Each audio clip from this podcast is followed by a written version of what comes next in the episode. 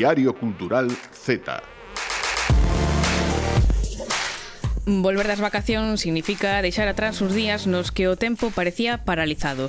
Cantas veces durante a semana desexaríamos parar o reloxo, mesmo darlle atrás como Hermión co seu xiratempo, pero as vacacións pasan, volvemos a casa e, aínda que recuperamos a nosa cama, os hábitos que nos dan sentido, hai unha emoción única na habitación dun hotel, nas rúas por descubrir dun novo lugar, Ás veces volvemos das vacacións e xa nada é o mesmo, que yo digan os personaxes de Wild Lotus que morren en masa en resorts de luxo polo mundo adiante. Pois, contra ese tempo conxelado dos días libres, na mesma semana que volvemos ao estudio do Z, a Terra acada a súa velocidade máxima. 110.700 km por hora. Bos días, boas tardes, boas noites dentro do Estudio Multimedia da Radio Galega e feliz ano novo. Feliz ano. Feliz ano. Xa está, eh? Non se di máis isto. Si, sí, eu creo que hai que establecer xa o límite Primeira semana do ano. Facer eh, chistes de ai, non te vexo desde o ano pasado, non me ducho desde o ano pasado. No, a ver. Das cousas que di a xente. Estamos a día xa para terse duchado moitas veces xa este ano, eh? Sí, sí, pero hai xente que vai seguir facendo ese chiste a 23 de xullo. No, o chiste xa cheira, xa cheira o chiste. Eh, vos non estades mareadas ca velocidade esta da Terra? Eu estou mareada habitualmente, xe. ah, pois pues, te digo que hoxe doime a cabeza, igual se debe a eso, eh? É eh? por eso, é que a, sí. a Terra vai vai na llama. Que vai aparando vai, un pouquinho. Vai gas a fondo, o sea, isto como se chama? Alume esto? de ferro a fondo. Como, alume sí, de carozo tamén. vai, que esas expresións. Espera, alume ou afume? A fume uh, de carozo. A fume de carozo. Acabo mm, de ter así un cortocircuito na miña cabeza. Eu creo que sei ambas, non pasa nada. Eh, dicimos ambas, está ben, entendemos perfectamente. Gracias. Mm. Pois nada, estamos aquí, volvemos da, do Nadal, uh -huh. primeiro Z de 2023. Correcto. Primeiro Chegamos de aquí moitos. moi contentas. Sí, sí. Eh, traemos temas a convidados moi especiais, porque mm, a primeira convidada de 2023 é alguén que quixemos falar con ela antes, pero é tan nova que aínda te, está no instituto, entón os horarios non nos cadraban e dixemos, pois agora que hai vacacións, que veña ela, descubriremos quen é, e temos tamén colaboracións moi interesantes, temos clásicos, temos videoxogos, Temos un pouco todo. todo. Temos unha chea de cousas. Claro. A ver se nos dá tempo, que sempre temos aí problemas co, co tempo. Logo os colaboradores sempre nos pasan a, a factura mal. Eh, estamos comezando o ano e eu ademais comecei o ano dunha maneira moi especial que indo ao cine, non? Disto de, uh -huh. de pues, un de xaneiro, que fago? Pois pues, ir ao cine, por exemplo, non? Ese mesmo día. Ese mesmo día. Uh -huh. eh, eh, fun ver After Sun, mm. que ah. é pois, unha película sobre unhas vacacións de verán, no? que pasan un pai e unha filla nun resorte en Turquía, que está moi ben pois, para quitarnos este frío, esta, esta chuvia que temos en riba. Eu fono ver Fun a ver... Que día foi? Pero foi antes de que rematase o ano. Foi nesa transición, non? Sí, tamén... Bueno, no. para despedir tamén está moi ben. Para despedir sí. ou para comezar o ano novo, non? É verdade que me gustou tanto, estou tan inspirada por esa película, estou namoradísima, é fermosísima, é moi dura tamén. Mm -hmm dura dunha maneira moi, moi sutil, non? Cunha apariencia aí de fragilidade, de, de, de que se nos acaba o tempo, non? O, o tempo ese que estaba conxelado e se vai desconxelando. E eu non sei se vostedes pois un libro, unha película, un xogo co que estades aí arrancando de boa maneira o 2023. A ver, eh, eu, eh, película, a verdade, Glass Onion, vina cando se estreou película, en decembro. Que o petou moitos de Nadal. Sí, sí, sí, gustoume moito, recomendo yo a todo o mundo que a vexa. Eh, serie, estou volvendo a comezar The Office porque a Vira fai moito tempo dixina aparcada porque se me estropeou o ordenador basicamente, entonces agora que teño Amazon Prime, pois aí a estou vendo. E xogos? E xogos, eh, a verdade, xa que me acabei o Pokémon Púrpura, agora estou co Animal Crossing, ata, ata agardar que veña o Zelda. Eu teño que decir que botei aquí eh, por riba dos gatos todo canto puiden, E, e... Tes un gato? No, no, no, por aí non, non paso. Tanto. Pero teño o xogo do gato. Ah, está chulísimo, que sí.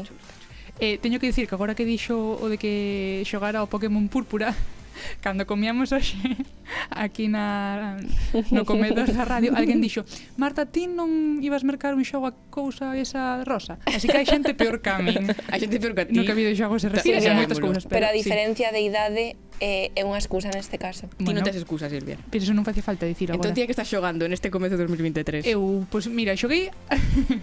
Estás rindo. A mímicas.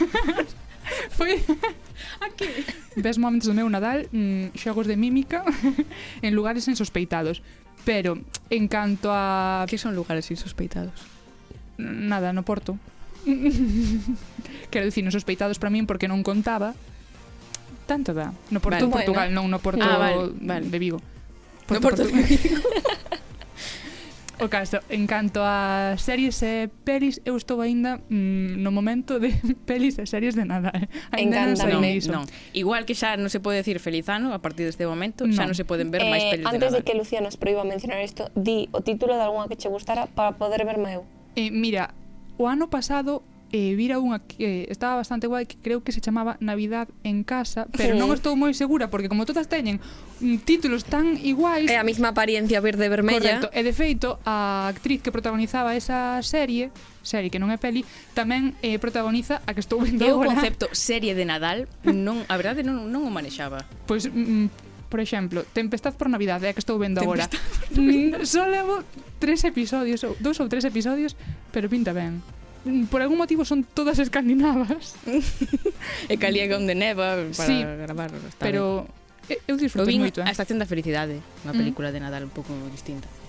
Está ben. Está ben. Pero serie de Nadal non manexo. Eu son moi friki disto. Pero hasta Antes, aquí, non... xa está. Non vexas máis. No, estaban a rematar. Jardas para decembro, que quedan aínda moitos meses. Navidade e todo o ano, Silvia Nova Abel Caballero da cinematografía. Mm, no, pero é que eu antes non era nada así, pero chegou un momento que dixen, por que non? E, e agora xa non podo parar. Estás te facendo maior, Silvia. Eh, gústame. pois nada, comezamos entón sí. Eh, falando de facerse maior. Ahora imos sentirnos moi maiores, eu creo. Eh, eu, no, estou segura que sí.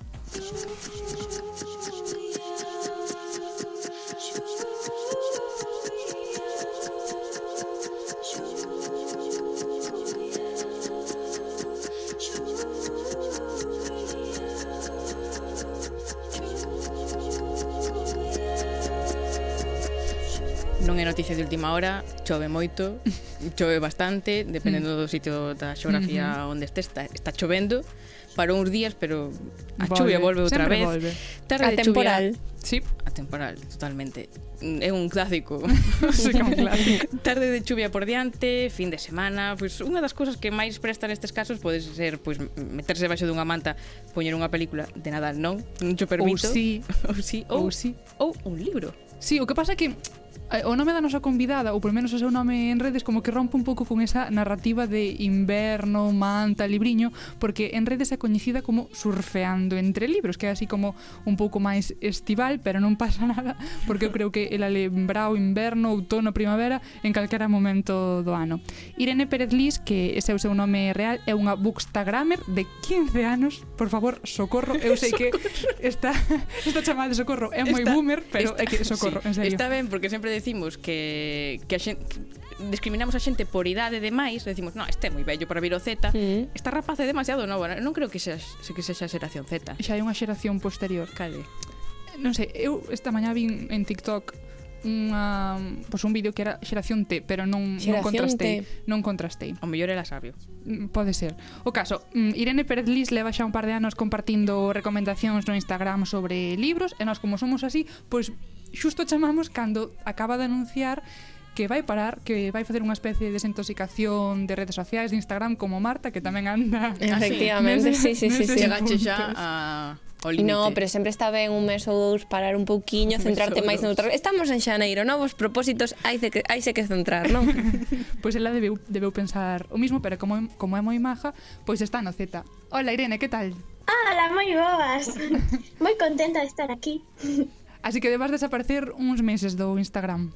Sí, sí, así é. Decidín facer iso porque, bon, isto xa se vía vir porque o ano pasado a verdade é que non estive moito pola rede porque que non sei, estou nun momento no que non me apetece moito andar por redes sociais, eh, estou facendo mil cousas e, e non teño tempo para todo, e, e pois non sei, apetecíame facer esta especie de desconexión e centrarme máis pois no que teño un pouco ao redor, nas persoas, e nos momentos máis pequenos e así.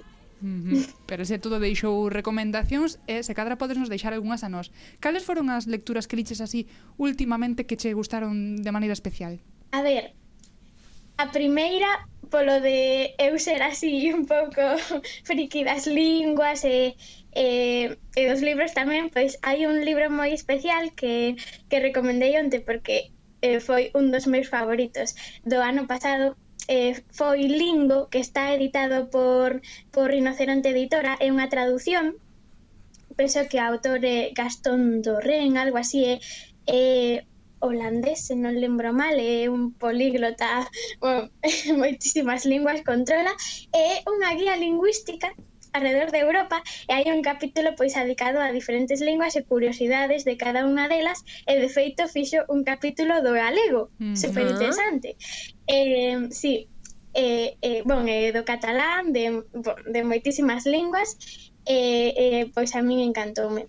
E logo tamén recomendar así eh, antes falabades do, do un pouco do navideño non sei que pois, de pelis ou series de Nadal esas.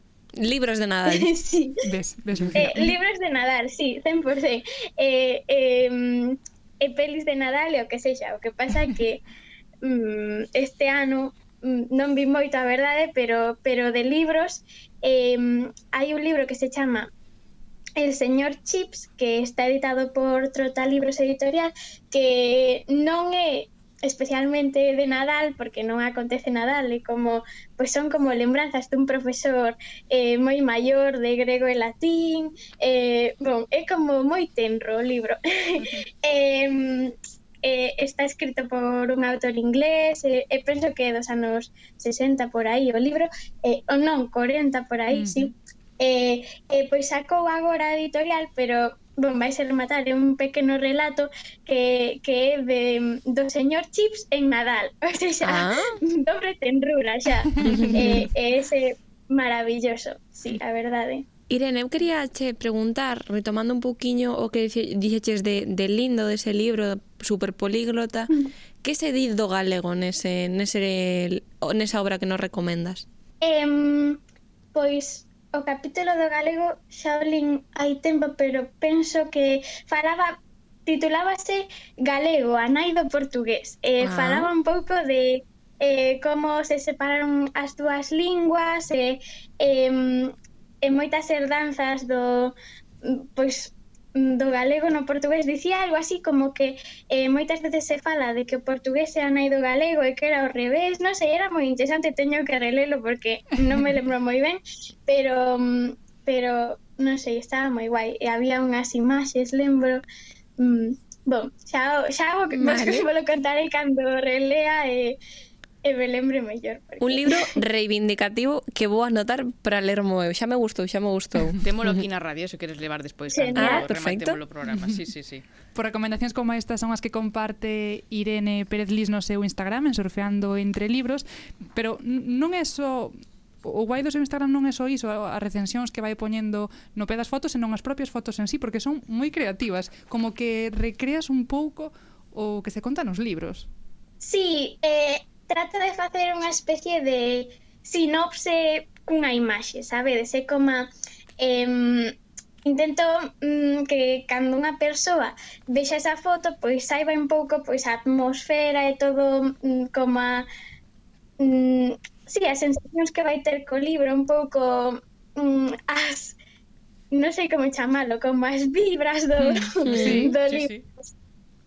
Pois así, como unha especie de sinopse eh, de imaxe Sí, unha fotorrecensión.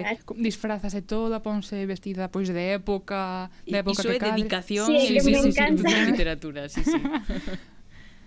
É que a min parece que me encanta disfrazarme, entón, mm, pois, a mínima xa eh, fago e eh, xa está. Estou pensando para o próximo eh, clásico logo que meu pai que veña Silvia disfrazada. Sabe un montón de deseño, eh, sempre me axuda un montón e eh, eso é moi guai. Uh -huh. E hai moita vida no mm, Bookstagram galego, por dicirlo así?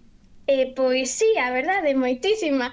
Eu, mm, cando entrei por primeira vez eh, e eh, eh, fixen a conta, eu pensei que, non sei, non que ia ser a única, pero quero dicir que eh, non sabía de, mm, que había un mundo xigante de contas que falaban de libros en Instagram. Cando entrei como hai... Eh, 4 anos, penso que xa foi, ou seja, agora é aínda máis grande. É dicir, con cantos anos empezache? Eh, a compartir este tipo de recomendacións? Hai cantos anos, dixetes? Sí, sí.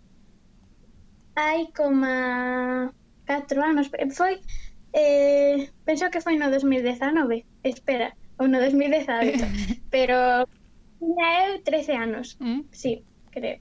Mi madriña. Eh, entón, non sei, é que eu iso entrei e de supeto a través dos hashtags este, sabe, esos cancelos sí. que eh, metes aí pois Bookstagram Galicia e había xa bastantes contas eh, non sei, super interesante sorprendeume moito porque non pensei que, que en Instagram que nunha rede social como Instagram pois que houvese xa un mundo tan grande de contas maravillosas que falaban de libros mm. eh, e sí, sí todo o mundo aí por descubrir Mm. Pero ademais de libros, lecturas, estas fotos tan guais que ela fai e que comparte no seu Instagram, mm, Irene tamén está noutros proxectos, como é o caso de Crónicas da Desmemoria. Benvidas e benvidos a Crónicas dunha Desmemoria Caldes memoria? Pois a nosa, a dun país enteiro que esqueceu que houve un día no que foi un gran reino. Un día no que a súa lingua era considerada a máis culta e prestixiosa de toda a península. Un día no que non nos facían falta campañas de gadis para sentir orgullo de ser galegas e galegos. Que vexo caras de abrallo bocas abertas, pois anda, teden coidado que non vos entre moscas, escoitade ben o que vos vou contar, porque isto non é unha lenda, nin tampouco unha campaña publicitaria, isto é historia con mayúsculas. A Galaica romana abranguía un territorio que superaba con... Contanos ti en que consiste este proxecto, e como foi xurdindo a colaboración con el? Eh, pois contactaronme os, da, os, da, os do proxecto que querían, porque isto era para participar nun premio da, da, do Concello da Coruña que eh, facía pois iso, un premio para eh, exclusivamente sobre a, a historia medieval galega, como a, sobre o reino medieval da Galiza. Eh, eh, presentábanse pois diversos proxectos eh, eh, entón pois non sei, eran bastantes os que gañaban como a, non me lembro exactamente do número pero gañaban varios proxectos entón pois eh, podían acceder a, a un presuposto para poder levar a cabo ese proxecto e así eh, eh, contactaronme para ver se quería bueno, a xencia a, a compañía uh -huh. eh, o cable inglés eh, eh, bon, hai como varios varias, non sei como chamar a verdade, eh, que colaboran como colaboracións sí. eh, e contactaron comigo para mm, que fose, digamos, a, a voz do proxecto, ou seja, simplemente a, a comunicadora, digamos. Eh, eh, e, e eu dixen que sí, que me parecía super bonito o proxecto e, e enviáronme pois algúns guións e así porque mm, gañaron o premio e, e entón pois comezamos a, a traballar nel e, e quedamos uns días para a grabación. Primeiro eh, no, no Castelo de Salvaterra estivemos ali grabando como eh, tres días ou catro, tres días e, e logo quedáronos unhas poucas crónicas porque son un total de 12 uh -huh. eh, eh e gravamos bastantes en, nos tres días, pero logo ainda nos quedaron un par para outro día que fomos ao Castelo de Pambre. A eh, ver... e, e así estivemos eh, gravando todas e a verdade é que aprendí moitísimo. Eu ao principio eh, pensei sobre todo que era moi interesante porque a min a historia medieval penso que nunca me fixera así atractiva, mm, sabes? Porque mm. eh, efectivamente un dos propósitos do, da, do proxecto de Crónicas dunha desmemoria é que poder achegar pois ás persoas máis novas e non tan novas, ou seja, a todo o mundo, a historia medieval galega, que é super interesante eh, o non ter moita información, porque ás veces non se quere amosar esa información, eh, non non hai ese interese fase como eh, persoas máis lexanas as, as medievais, sabedes, demasiado mm. lexanas, non podemos comprendelas ben pero non sei hai moito, moito do que aprender desa época eh, é o que intenta facer Crónicas dunha desmemoria achegar esa información eh, e facela pois iso máis máis interactiva e máis máis interesante, que digamos. Guay. Que non me extraña que non tiña tempo para Que se tiña que borrar o Instagram, Instagram. é normal. sí. mm. a, verdade, a verdade que sí. Estou vendo, Irene, que tes aí por detrás un calendario das mulleres das letras que mola moito, pero é 2022, sí. toca ir cambiando. Sí, é que é unha mágoa, porque claro, agora non teño claro. non teño ningún calendario. Pero pode quedar aí, porque é que se me rematou xa outro día. claro, bonito. que libros tes así pendentes de ler na tua mesa da noite agora? Eh, pois agora mesmo é unha mágoa porque teño que ler todos os do instituto porque teño un para latín, para grego, un para galego, outro para castelán. Eh, dos que teño que ler para galego, eh, teño Maxina ou a filla espúrea, mm. a considerar primeira novela en lingua galega e así. Eh, e logo eh, se teño tempo, porque tamén teño que ler a primeira parte eh, do Quixote e tal, pero... Mi madriña. Madre mía. Un melón eso das lecturas obrigatorias, eh? sí, a verdade é que sí, pero eh, se teño tempo, pois poñereime aí con... Pois, por exemplo, acaba de publicarse agora un libro que me encanta, que é o de mm, um, Os Raspiñeiros, porque acaba de, de sair a traducción.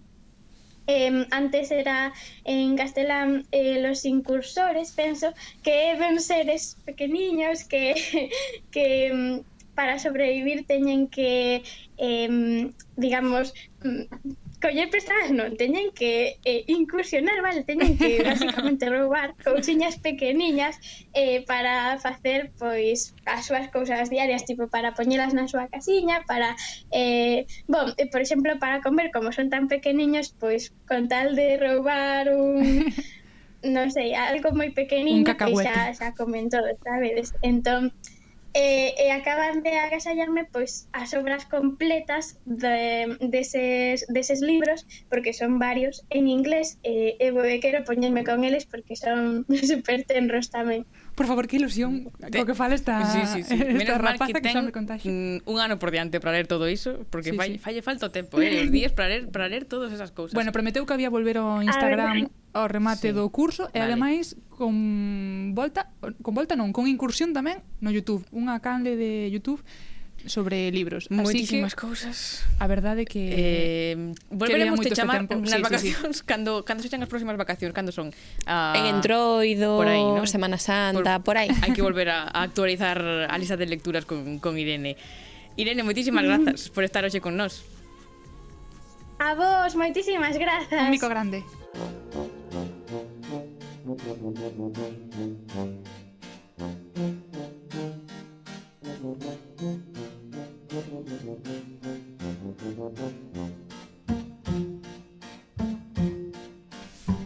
Eu xa fago unha advertencia, eu o Quixote non o vou ler. eu tive no que ler Eh, leí, eu li unha versión destas baratas. Ainda o lin, eh? Lin unha parte ata que me cansei. Claro. claro. É que eu dixen, vou no ler, Eu creo que non aguantei ni máis de cinco páxinas. É que suele pasar eso cos libros de instituto, a verdade. Aí depende, claro. depende. A ver, hai clásicos con... Con Z. Con Z. a ver, Lucía, si inventas este nombre, por favor, asegúrate de poder dicilo. hai clásicos que están ben. Hmm, Outro, que vas xa, a ver, ti, claro. non digo que o Quixote este mal, eh, que debe ah. estar moi ben escrito. Pasa que eu non non tiveches o prazer de comprobalo por non, ti mesma. Non, intentei, non, pero non, pero xa. non. Que se lle vai facer? Eh, que se vai facer? Pero outro sí, non? Outros sí. De feito, moitos. Moitos, sí, xa vexo, xa vexo. moitos. É que é que o ano este ano 2023 comeza cunha noticia literaria de, de moito impacto no mundo dos clásicos, porque pode un clásico estar de actualidade, Hoxe derrobamos unha parede máis neste espazo de rigorosa divulgación e afirmamos nos pos? que estamos é que estamos no fío da noticia, estamos abrindo telexornais con maior salseo do momento despois da reconciliación entre Tamara Falcó e Íñigo Nieva, porque dende o 1 de xaneiro deste 2023 as obras completas. Todo o que escribiu Stefan Zweig son de dominio público en España, porque tiña que pasar 80 anos da súa morte eh, para peso para que fosen libres. Para que dereitos sí, son 10 para as letras galegas, 80 porque imagínate que o pobre Zweig leva 80 anos esperando a que se dedicasen as letras, se fose dos peares, como outro moitos famosos que hai daqui, pois pues podería, pero non. Xa. Eh, eran 80 anos, estou meneando liando sí, moitísimo. Xa bello, non, non sei a onde queres chegar, pero... Nada, o caso é que mm, esta noticia eu tiña que aproveitala e, e, e que non tive nin que facer os deberes porque tiña na casa non vou dicir a biblioteca completa porque son pero moitísimos, casi. pero teño media, o sea, e que sempre traio un libro, xe non me, non me collen aquí en riba da mesa. Non o lin todo porque que collí un empacho. Pero, pero mercáchelos todos a pedixeches. No, no, todos, con un a un, un a un. Ah, vale, vale. Un a un. De feito teño cousas así, pois pues, a, a novela de xadrez que a, a a os da nosa xeración que tiñamos no bacharelato literatura universal era a lectura obrigatoria, por eh, exemplo. E Irene, surfando entre libros, ten unha recensión no seu Instagram sí, hai que, hai desta, que ler tamén. desta novela. Sí, sí. E, e iso, é un salseo mm, non como de Tamara, porque eso, eso foi un, o sea, un boom, capítulo aparte, sí. outra cousa, pero sí, porque ata agora todas as publicacións de Zweig en España eran de acantilado desta editorial do que teño aquí casi todos os libros, sí. e a partir de agora calquera editorial vai poder publicar Esbaig. Entón, a cantidad incluso chegar aos xulgados con algunha outra editora por culpa de, deste señor, eh? así que aquí hai, hai salseo, hai pelea por, por, por publicar a, a Esbaig porque me se queda cartos o... Pare... No, sí. Ti polo menos deixáchelles, eh? Eu, eu sí, eu sí. sí. E, claro, como en moitos outros casos que xa comentamos aquí, é importante falar da vida de, de Zweig para comprender un pouco a súa obra, porque este señor naceu en Viena en 1881 e, e viviu dende o centro de Europa pois as dúas guerras mundiais, e iso está moi presente nos seus libros. Tivo que exiliarse varias veces, viviu en Suiza, en Inglaterra eh, durante a Primeira Guerra Mundial e logo na Segunda eh, foi para o, para o Brasil. E non viviu moito máis, porque de feito, a ver, non te rías. No, pero dar como dixo. Non te rías, que no, no, no, no 42 no, no suicidouse. Sí, xa. porque dixo, estou hasta aquí de Europa, os valores europeos xa mm, non existen, eh, por culpa dos, dos, dos nazis basicamente eh, eh, suicidouse e iso que xa estaba el pois no Brasil, non, un pouco lonxe de todo de todo isto. Pero a verdade é que o nazismo pois é un dos seus grandes temas, está en dous libros que teño aquí, non sei se facer o traballo de, de buscalos.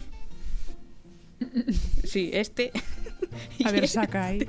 Estes dous libros, o de Ademais, Mendel son... de los libros e novela de Xadrez. Son moi curtiños, non? Fáciles iso, de ler. E que iso está moi ben.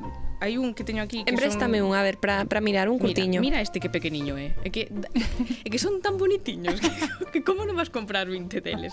20 fanche un, un, un normal. Eh, eh, que sen 90, 100 páxinas por, mm. por libro. Ten libros máis longos, sobre todo biografías e ensayo histórico, que como máis se deu a coñecer en España Mm, nos anos 30 por aí, pero eu mm, deses teño un, unha xoia que é un libro así que parece unha biblia un porque pouco. así pequeniña, antigo, está todo está todo roído, que parece sí. comer uns ratos. Pero é un libro que atopei destas feiras de, de Bello, que é unha biografía que escribiu Zweig sobre Tolstoi pero logo tamén hai pois mm, as novelas que son estas estas curtiñas que son estas que están todas en, en acantilado ata o de agora porque agora vai haber un boom. Hai Unha en galego, que é novela de xadrez, que está publicada por eh, Irmás Cartoné. Uh -huh. eh, a, a única que hai polo de agora. E eh, eh, nada, vos lechedes algún? Non, pero vou ler a novela de xadrez. Eu teño aquí un amarelo. Sí. Mm. Que novela de xadrez mm, que é como a máis así de, de introdución, non? Está en alemán, é Schach Nouvelle. Bueno, Donde no sé si a topaches? é que eu tive en clases de alemán no ah. bacharelato, non sei ah. nada de alemán, eh? Eu fui a clases de alemán dous anos, non teño nin idea. Silvia tamén. De Pasa feito, mesmo, Silvia non teño vai nos ler aquí o principio. No, dixeches que ao final no. Sí, sí. Pero, pero no, pero se, Lucía. Intento.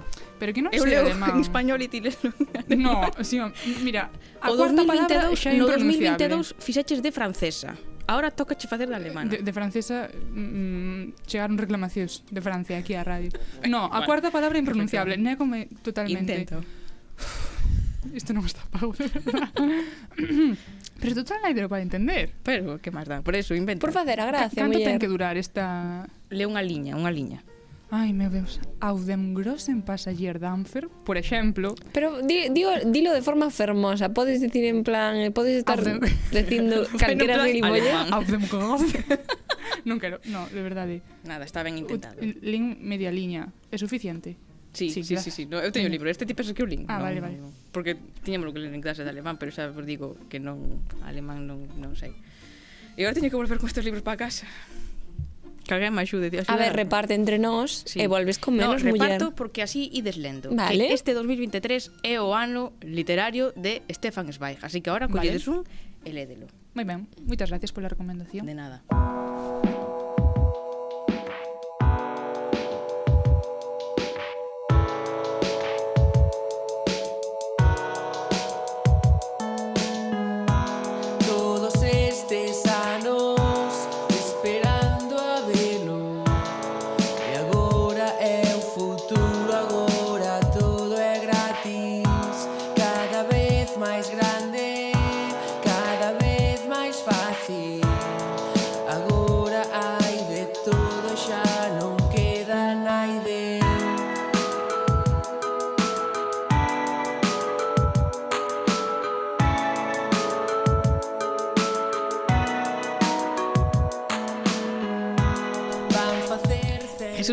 Feliz ano. Feliz ano. Xa está, eh? Prometo tamén que vai ser a última. Será a última. Tea, tiña moitas ganas de volver xa, verdade? Fai moito que, que non estaba por aquí. De feito, deme moita mágoa non poder participar eh, nos resumos e recomendacións do mellor do ano, porque non tiven sección sí, a antes que so, de Nadal. Só lles tocou a Tamara e a Alex fixeron aí un pouco de intento e os outros quedaste sen facer o vosso resumo, pero algo nos podes sempre chega a tempo. Facer. Claro, eh, se alguén está interesado en recomendacións audiovisuais, penso que o que vou facer é aproveitar para meter unha pequena cuña publicitaria bueno. a ver. e dicir que na revista A Cuarta Parede publicamos a semana pasada unha peza maravillosa coas recomendacións e eh, contribucións das nosas colaboradoras sobre o mellor do 2022. Entón, somos é... medios irmáns. Exacto, non podedes ir a, ir a velo ali. Eh, en calquera caso, como xa me parecía algo tarde para retomar aquí o tema dos, dos resumos, o que imos facer hoxe é falar do cinema galego que está por chegar no 2023. Gústame? Claro, vai ser unha sección un pouco distinta as que fago habitualmente. Para comezar, hoxe non traio convidados, non vai haber tampouco eh, currículums para ler, Lucía. xa o sinto, pero ides ter que aturarme un pouco máis do habitual. Nada, non hai problema. Vou comezar, se vos parece, cunhas pinceladas xerais do, do audiovisual galego que debería estrearse nos festivais e salas de cine este ano e logo centrareime especificamente nas creadoras Z. Uh -huh. Como dicía, non imos ter convidados presenciais, pero si sí teremos algunhas intervencións de vellos coñecidos do programa. Aproveito tamén para aclarar que eh, a sección de hoxe ten dous obxectivos. Por un lado, dar conta de, de todo o que está por vir no audiovisual galego no 2023 E por outro, guardar máis costas para que non me pase como a Tamara, porque xa vin que tivechedes algún conflicto de intereses antes do Nadal a hora de traer convidados. Ui, ui, ui. Eh... Estás opinando de parte de Tamara, eh? está, que están facendo aquí un mm, piña aparte, seguro que teñen Motín. hasta un grupo de WhatsApp en paralelo. No que falan eles. que tican. Claro, y mira, que que me roubaron. Claro, claro, é mellor eu prefiro sobre seguro. Entón, que quero dicir con isto? Que todos os nomes e proxectos dos que vou falar hoxe aquí quedan oficialmente reservados para a sección audiovisual. Están vetados para nós. O programa queda grabado, así que teremos probas, logo xa se iso podemos negociar. Vale. Pero logo isto cortámolo. está merecido, está merecido todo isto. Entón, vou comezar celebrando primeiro que no 2023 o cinema galego vai volver ter un espazo en algúns dos principais festivais do mundo hai unhas semanas anunciouse que o filme Sica de Carlos Subirana, que é unha produción galega eh, rodada na Costa da Morte, vai estrearse na Berlinale en febreiro. Ainda estamos agardando que desvelen o programa completo, pero non me extrañaría que acabaran colándose outros títulos galegos eh, neste encontro. Por outra banda, entre as obras de cineastas xa establecidos, que verán a luz neste 2023, temos Matria, de Álvaro Gago, adaptación da súa xa moi coñecida mm. e premiada curtametraxe homónima, Ariel, de Lois Patiño e Matías Piñeiro, La Parra de Alberto Gracie, que se rodou en Ferrol a comezos do ano pasado, O Corno do Centeo, que será o próximo filme de Jaione Camborda, ou As Neves, de Sonia Méndez, que hoxe mesmo está rodándose na provincia de Lugo. Entón, por esta última, quizáis temos que agardar un pouco máis. Mm. Imoslle dar tempo tamén para que para que fagan ben as cousas, que non queremos que os apuren. No, no, para nada. O 2023 quedanlle moitos días e se ten que ser po 2024, nós estamos tamén aí pendentes. Pero estamos sobre todo pendentes das certas, Por suposto, por suposto. Eh, Castetas poden pasar cousas moi bonitas este ano, porque estamos pendentes da estrea de varias óperas primas de creadoras teta que van dar este ano o salto á longa metraxe. Falamos, por exemplo, de Cando toca un animal, de Ángel Filgueira, que, se lembrade, xa estivo no Z, falando dela como meu predecesor, con Brais, pero que finalmente non puido ver a luz no 2022. Temos tamén as defensas de Lucía Estevez, outra convidada do programa, que se dirixiu varias curtas e incluso unha serie este ano, eh, Alenmar, de Andrés Sanjurjo, que estivo a mediados de decembro no Festival Novos Cinemas de Pontevedra, falando un pouco do proxecto, ou A Procura da Estrela, dirixida por Carlos Martínez Peñalver. Que pasa? Que todas estas obras eh, están xa en fases moi avanzadas da rodaxe ou da postproducción, pero evidentemente hai moitos outros proxectos que estarán dando os seus primeiros pasos neste 2023. Entre eles, falaremos próximamente con algún dos participantes no Conecta Lab. Non sei se vos soa. Contanos máis, por contar. favor. Sí, sí. Un proxecto, verdad, que, sabes que, eh, que non teñas medo de que che roubemos cousas porque... É un proxecto moi chulo, dá un pouco de envexa. Trátase dun laboratorio organizado por CREA, que é a Asociación Galega de Profesionais da Dirección e da Realización, e que consiste basicamente en reunir a varios guionistas e cineastas durante 10 días na illa de San Simón, mm. en abril, co obxectivo de axudalas no proceso de escritura e desenvolvemento de longametraxes e series.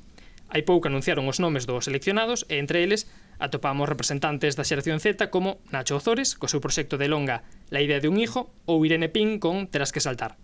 Tampouco quería estenderme moito con isto porque xa digo que a idea é traelos aquí ao programa, pero se alguén está interesado, tedes eh, as descripcións dos proxectos na, na web de CREA. Mm -hmm. E os vellos coñecidos que dixeches mm, que me creou moita curiosidade iso, esos podemos roubar ou tampouco? eles xa viñeron entón podes traelos de volta vale. cando, cando que irades pero, sí, pero sí que foi algo que, que me fixo moita ilusión porque dende que comecei a colaborar eh, no programa o no pasado xa falamos con varias cineastas que estaban en plena produción dos seus proxectos Pois ben, o que fixen foi aproveitar o descanso de Nadal para contactar con eles e pedirlles que nos actualizaran un pouco sobre o estado dos seus proxectos e preguntarlles cando poderemos velas. Uh -huh. Eh, aló por comezos de abril, na miña primeira intervención, entrevistamos a Bruno Arias, que estaba nese momento eh, rodando o documental Os Espazos en Branco, un traballo sobre a súa tía Xel Arias, que buscaba traspasar un pouco a imaxe pública da poeta e centrarse no, no ámbito máis persoal. Pois ben, preguntamos a Bruno como foi a rodaxe e en que fase se topan agora mesmo. Nada, a rodaxe foi todo moi ben, eh, e sobre todo a min personalmente como, bueno, pois, persoa que tivo que abrirse moito durante eses días para rodar un proxecto así tan persoal como este mm, co que máis me quedo é co, co equipo humano que se formou. Vamos, foi increíble eh, eh, todas e cada unha das persoas son xente que Algúnha xa tiña, outra son case sorpresas desta rodaxe e son xente que me levou para sempre porque axudaron un montón en todos os sentidos en que podían axudar e despois ainda por riba pois unha, un grupo de profesionais descomunais. A maioría xente moi nova pero con moitas ganas de aprender e con ademais xa moita moito coñecemento. E despois nada, pois estivemos todo o verán montando con coa comontadora, con Laura Piñeiro, un proceso moi bonito, a verdade, moi estresante moitas veces, pero a min, bueno, pois é o proceso que máis me gusta, o de montar, entón disfrutei no moito. E ademais con Laura foi todo moi fácil. Eh...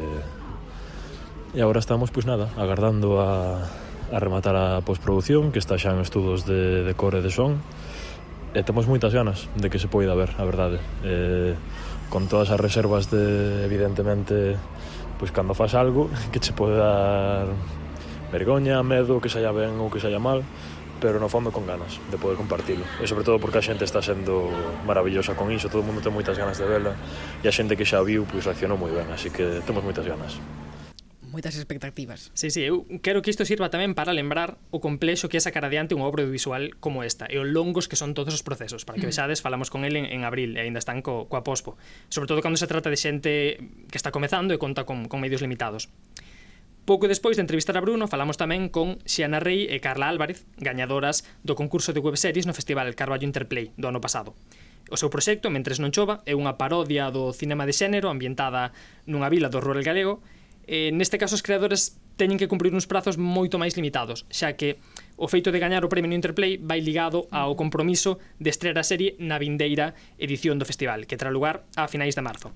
E isto é o que nos contaba Xiana sobre a rodaxe en Ourense e o futuro da serie. Pois a rodaxe foi moi ben, cos imprevistos típicos das rodaxes, pero a verdade é que solventaronse todos de forma bastante efectiva.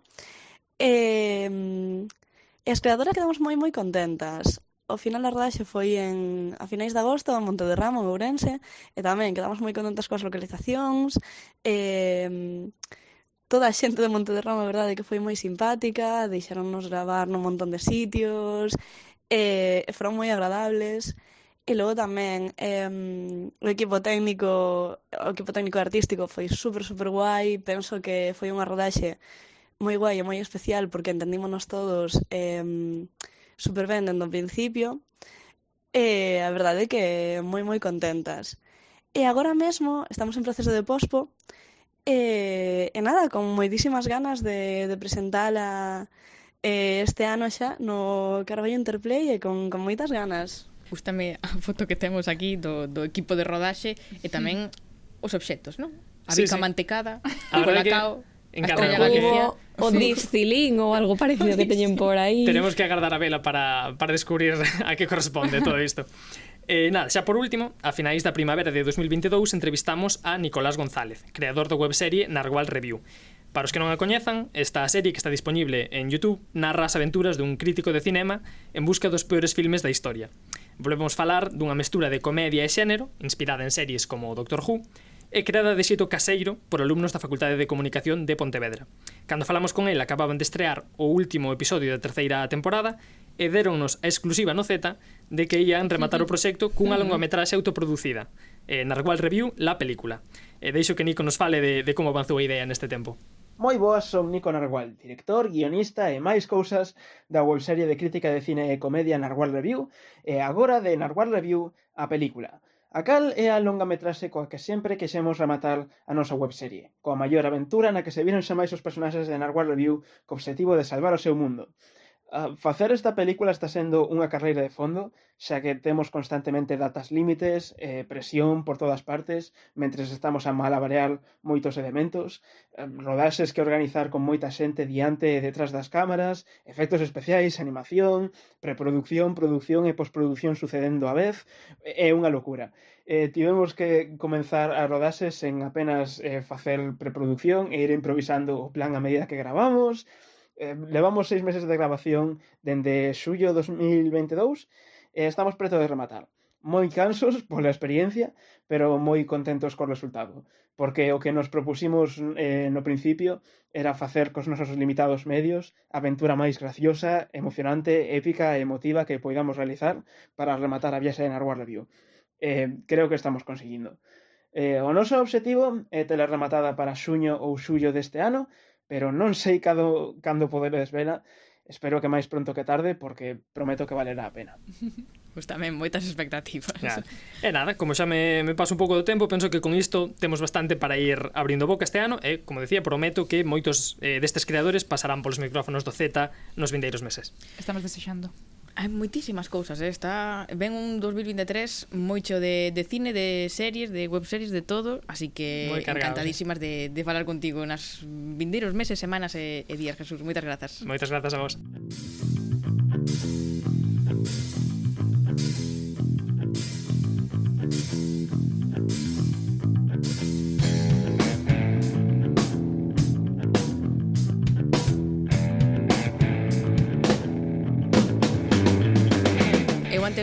que os colaboradores estaban facendo piña, pero mellor en galego dicen anás, no? Oxe. eu non sei, e eu non sei. A sí. este o que te dedicas a pensar mentras aquí veñen os colaboradores a traballar. Sí, sí, mentras Jesús estaba moi feo. estaba re reflexionando sobre que dixeron unha cousa mal. Non, non, e agora ven Sara do noso que mm, non sei Sara, mm, Felizano, eh, boas tardes, hola, que tal? Eh, non sei se ti tes algunha reclamación, así xa facemos ao principio e logo tiramos. Claro, deixalo claro, así de inicio. Non, eh, eu teño, bueno, Felizano tamén. eh, teño que dicir simplemente que, bueno, que ás veces non está mal roubarlle un pouco terreo aos compañeiros e que, e que non lo roben a nós tamén, non? Menos mal. Ao final a cultura vaise combinando, contagiando. É que aquí Jesús moito fala de que nos adentramos no torreo, pero el, unha das últimas veces que veu, dixo que se iba a meter de cheo no de Alejandro. Así que, Jesús, sí, sí, menos mucho mal que... silencio. Jesús hasta calado. Menos mal que temos a Sara, que nos entende un pouco sí, sí, sí, sí. tamén. Eh, e hoxe, Sara, mm, entra xa de cheo no novo ano do Diario Cultural Z este 2023. Por onde comezamos? Eh, que nos traes no, do mundo da arte? Bueno, sabes que eu sempre vou un pouco o meu aire, non? Non vos fago moito caso así para, para, para falar sempre dos Z. E hoxe temos con nos alguén que, que non é Z, verdade? Que non acaba de aterrar no mundo da arte, precisamente. Pero bueno, ten sentido igualmente darlle un espazo aquí no programa porque ten alma de Z, iso sí. Así que de algún xeito cumpro.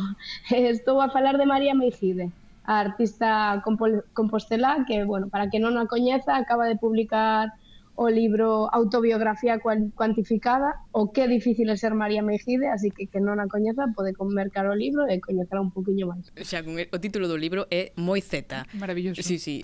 Entón, María Mejide, hola, benvida ao Z. Esperemos que non sexa demasiado duro ser María Mejide. Bueno, bueno, é moi cansado. Hola, hola. Moi cansado. Pois pues mira, ser Lucía tamén é bastante cansado ahora que o dis. Sí, sí. Pero nada, moitísimas bueno, grazas por, por estar aquí e eh, contanos un pouco. Estou aquí dende, dende Vilanova de Gaia, aquí ah, en frente uh -huh. de Porto, que, que bueno, me pillou aquí o, sí, sí. o ano novo e nada, por si hai un pouco de ruido, vamos. Que non te preocupes, si é ruido de Vilanova de Gaia, aceptámoslo. Pero contanos vale. un pouco deste libro, que xa, o título é moi original. Bueno, pois o título pois é eh, eso, un, un relato autobiográfico que en certo modo creo que tamén é unha, un activador de relatos eh, tamén no lector, porque ten un formato caderno eh, onde ti tamén podes escribir. Quero dicir, o texto fala de min, pero eu creo que o feito de estar así cuantificado, un pensa, un pensa máis en sí mesmo que, que no que conto eu, non? Mm. Bueno, por exemplo, falo, pois tiven, pois, eh, pois tres mozos, eh, dous ex, eh, eh, X amigos, 17 libros. E de, de alguna maneira, esa, esa maneira de, de relatar, eh, penso que te vai a, a que vai a propio lector, non? e así non queda tan tan egocéntrico.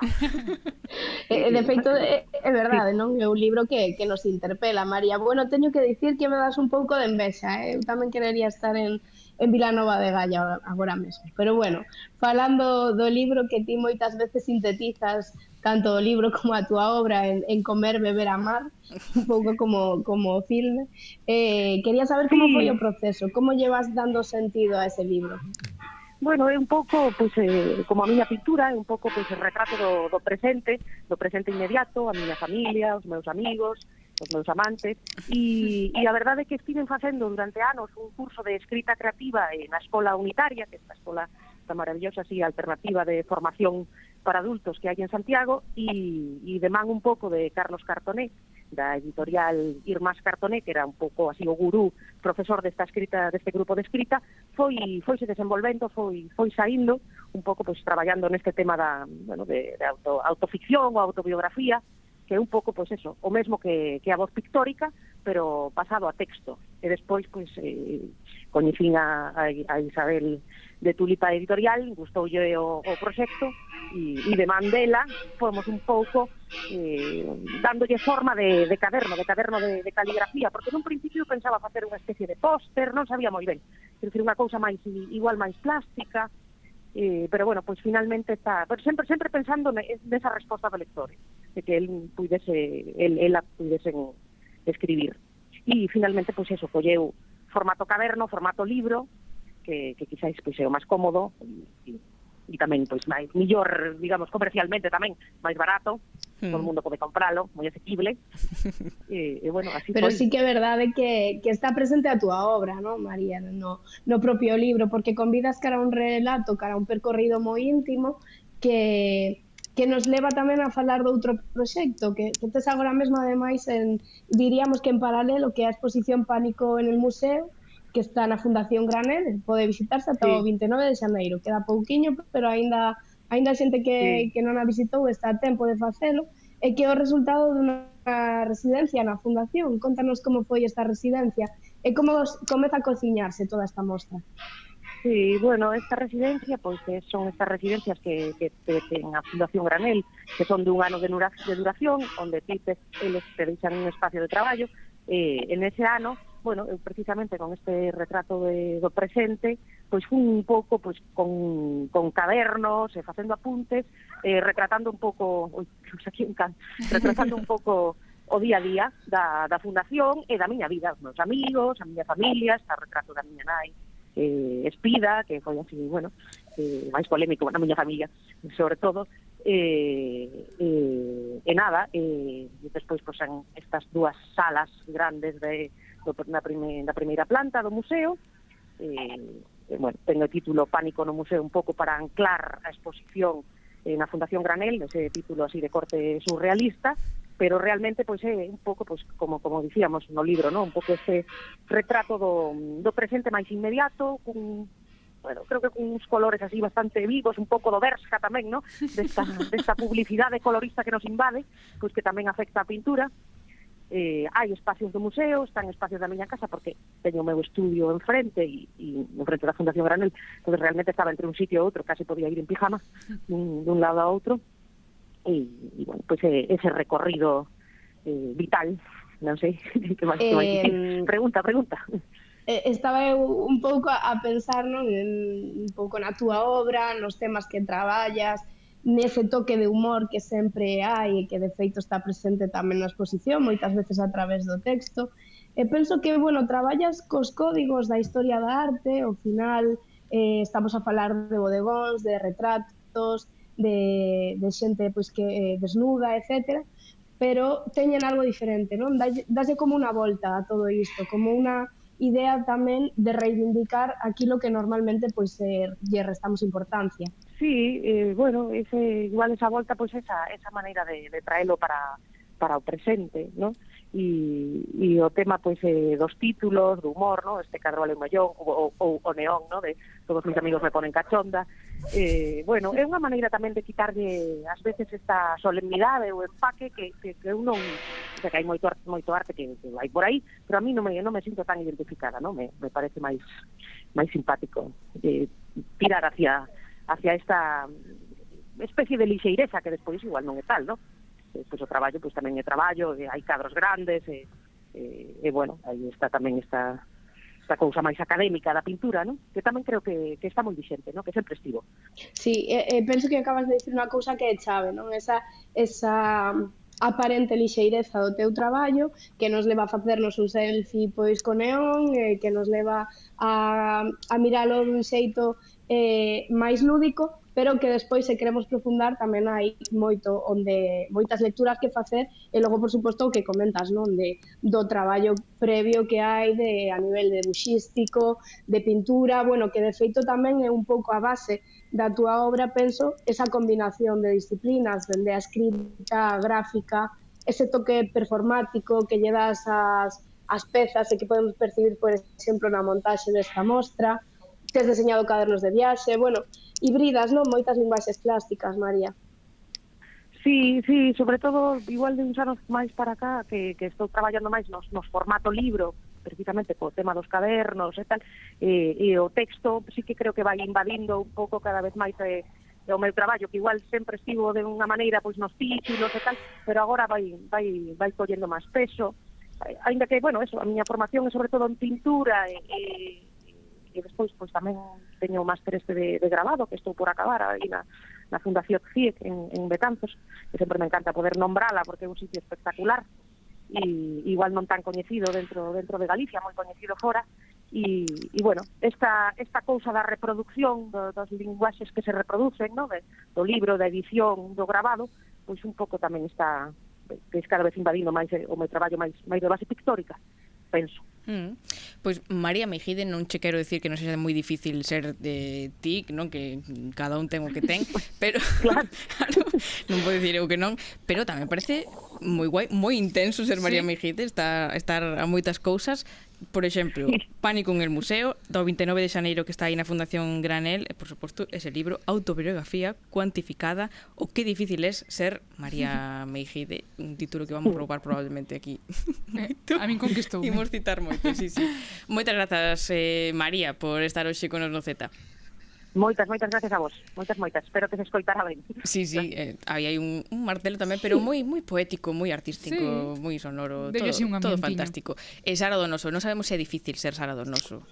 Bastante tamén, sí. como todos, non? A frase, que, que, que difícil é ser eu, pois sí, xa sí. está. Imolo deixar aí. Grazas, Sara. Graciñas.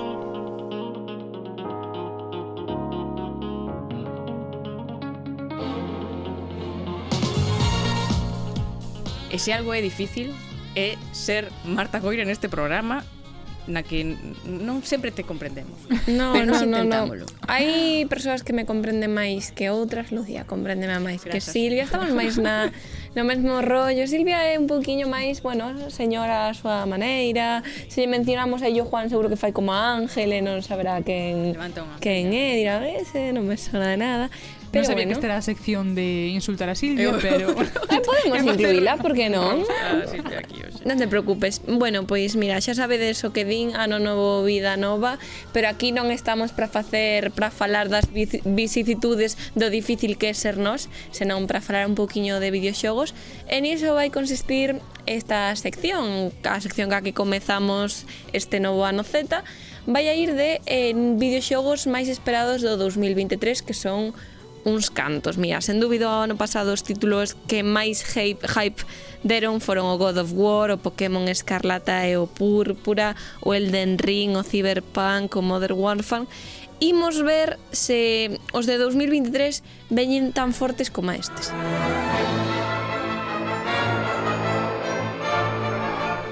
Vamos a dar dous títulos principais. Chiro Harry Potter. Claro, o primeiro deles é ao Hogwarts Legacy, o tan esperado xogo de, de Harry Potter que leva un ano facendo moitísimo moitísimo rebumbio que podemos decir del? Pois que é unha aventura de rol de mundo aberto algo que non se viu moito no, neste universo de Harry Potter que está ambientada a finais do século XIX pero que ningunha película nin obra vai estar presente como tal pois nesta peza. Uh -huh. Senón que o que vai estar presente van a ser eh, a ambientación de Hogwarts, os seus bosques, e todos os arredores tan coñecidos de, deste de colexio, claro. Impresionante. Sí, sí, sí, podemos ver no, no tráiler como está, está bastante detalle.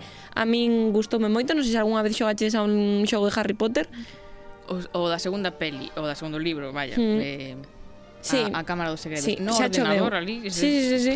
Eu xoguei o primeiro desde a Play, a verdade, xa choveu, notase que foi sí, avanzado sí. en tecnología porque ten moi boa pinta.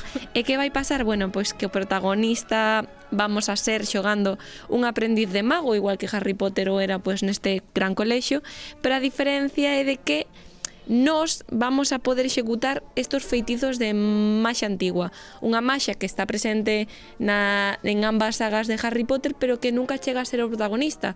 Eh, son esa clase de poderes, esa clase de feitizos que poden facer o señor escuro e moitos dos seus sequitos.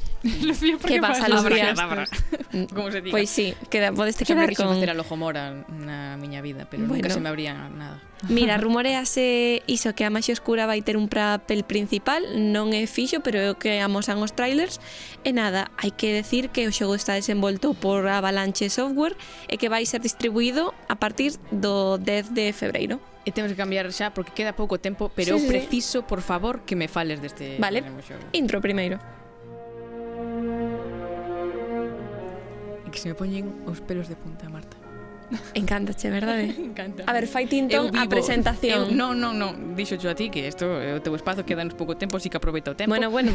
Pero eu vivo, vivo por isto. Pois se escoitades o Z, se levades escoitando o Z toda esta tempada, un dos xogos estrelas que se esperan no 2023 e que sobre todo espera a nosa queridísima Lucía sí. é o novo Zelda, o Tears of the Kingdom, que é a secuela do Breath of the Wild, que foi un xogo xa choveu desde 2007, 2017, desculpa, de lanzouse. Claro, lanzouse. tempo xa. Eu xa non teño anos, nada máis que facer no, no Breath of the Wild, xa matía todo o mundo que había que matar. Poder rexogalo. Eh? No. Claro, poder rexogalo para... Pero xa rexoguei tantas veces que xa eu necesito algo máis. Bueno, fíxose de rogar seis anos, pero por fin, por fin, por fin está aquí. Despois, claro, as expectativas son moi malas porque este o primeiro xogo, a precuela foi un xogo que supuxo un tremendo impacto para a industria tamén no, pos no posicionamento da Nintendo Switch que saleu por ese ano eh, e petou non moitísimo está considerado un dos mellores videoxogos da historia. Que podemos agardar desta secuela? vai ser tan boa? pinta ben, pinta ben. Os expertos eh, danlle moi boas reseñas e aínda que non saiu hai que ver. Hai que ver porque pode defraudar como Pokémon pero non pasa nada. Pero aquí estamos. Pokémon quedamos en que non defraudara que era para que tiña, sí, cousas... tiña as súas cousiñas claro. pero bueno. E nada, eh, pois vendo os trailers o que podemos comentar é que entendemos que vai a ter un ton máis escuro que recorda ao o que era o que estaba considerado como un dos mellores títulos da saga que o Majora's Mask, non sei que opinión tes, Lucía. Xogazo. Vale. Eso pues... todos vos eh, aquí pregúntame va me parecer todos ben. Bueno, esta oscuridade verse reforzada pola aparición dunha misteriosa figura nos trailers de aspecto así cadavérico, alguén pode ser malo, pode ser bo no trailer do Zelda, non todo o que parece, pero neste caso fai recordar a Ganondorf, que é o xefe final de moitísimos, moitísimos títulos desta saga, ou alguén que poida agardar relación con el. A ambientación é a mesma que o Breath of the Wild e tantos outros títulos da saga, non muda. Estamos no mundo e nas terras de Girule, que así se chama donde transcorre que pasou Esta Silvia? risa, nada. Eh, falle sí, gracia. É unha cousa moi seria, por favor. Sí, sí, sí, sí non estou dando a entender o contrario. Eh. Pero que bueno, que esta vez o mundo vais expandir cara aos ceos porque imos poder surcalos e de feito nos trailers amosase un montón de, de illas flotantes que están cheos. E outra das cousas que sabemos vendo vendo estos avances é o aspecto do noso querido heroe porque A ver, a xente que me escoitades e non coñecedes nada do Zelda, o protagonista, ese que vai de verde, non é Zelda, é Link, non vos confundades, por favor, que isto causa un montón de reunión. de primeiro. Claro. Increíble, Sei que vos sorprendo. E que pasa con Link? Pois imos velo con un cabelo máis longo, un novo brazo dereito e eh, a súa brazo dereito. túnica de color verde. O brazo dereito, non sabemos Claro, claro, non sabemos. Haberá que xogar para ver que por que yo cambian. Alucíname de Marta sai, o ton épico que lle pon a Estamos falando do Zelda, non hai nada máis épico que Dime que sai mañá. No, hai que esperar un pouquiño, vais a ir o 12 de maio, pero bueno, é que sepades unha última cousiña que hai quen di que se vos gusta moito Estudios Ghibli, mm. hai certos paralelismos na cinemática do xogo ca película La princesa Mononoke. Aí o deixamos. Todo fantástico. Todo fantástico mm, vais che facer longa espera. Vais a facer moi longa, pero non pasa nada, porque agora teño moitos tetas que facer, que escuitar, que disfrutar. Mm, aquí tropecentos mil libros, tropecentos mil películas. Cantos tetas quedan daqui a lo? Un, montón, poucos, eh? uns cantos non, eu non sei, non, non sei, eh, non conto las Poñera 20. Vai pasar rápido. Grazas por mm, comentar tantas cousas neste primeiro Z 2023, pero temos que reservar algúns para os Zetas que nos quedan este ano. Así que marchamos xa, moitísimas grazas e ata a semana que ven.